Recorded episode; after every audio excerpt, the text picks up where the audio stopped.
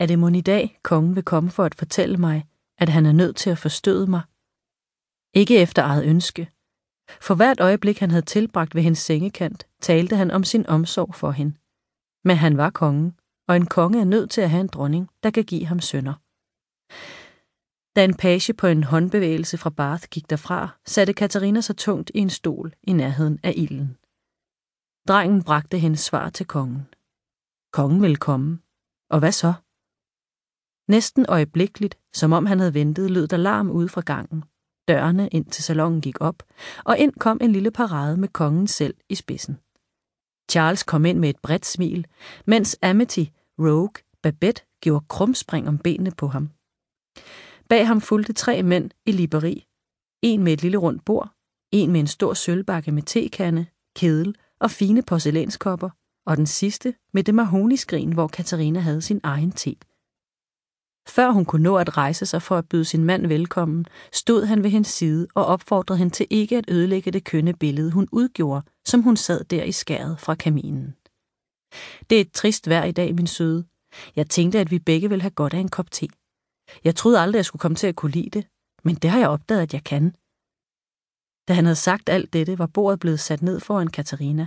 En stol til blev stillet frem til kongen, og en kedel placeret på kaminpladen, så den kunne blive varmet op.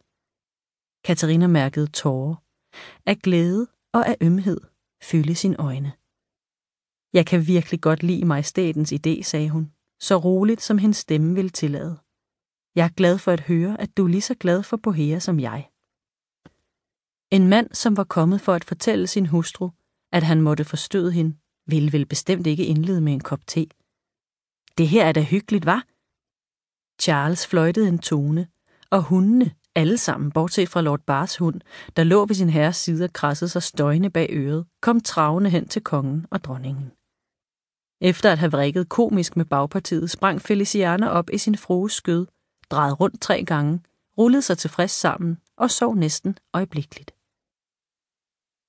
Katarina var enig i, at det var virkelig hyggeligt.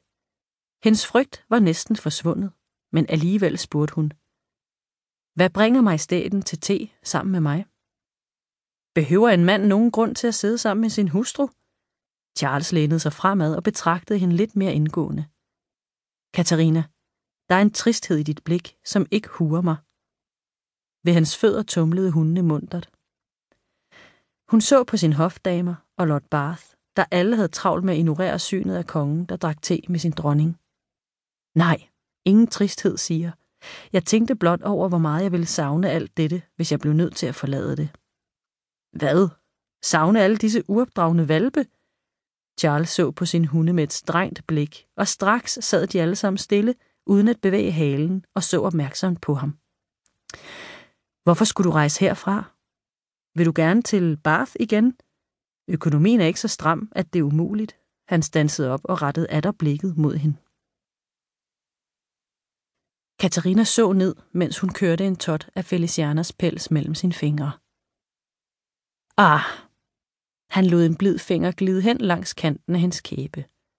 Så tåbelig din mand kan være.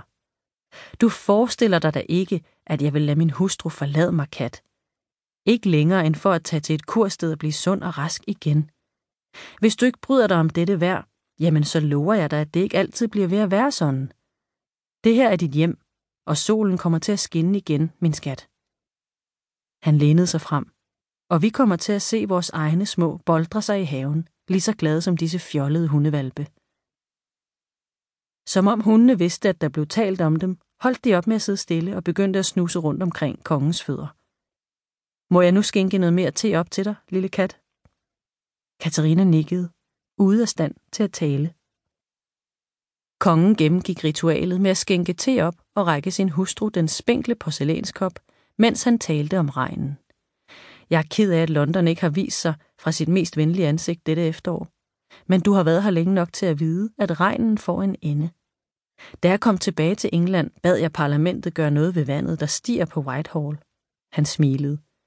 De gjorde lidt, men ikke nok. Jeg hører, at et af vaskerierne er i fare for at blive oversvømmet. Det må da være bedre end, at det er vaskeriet end bageriet. Charles lå. Ja, trods alt, gav han hende ret.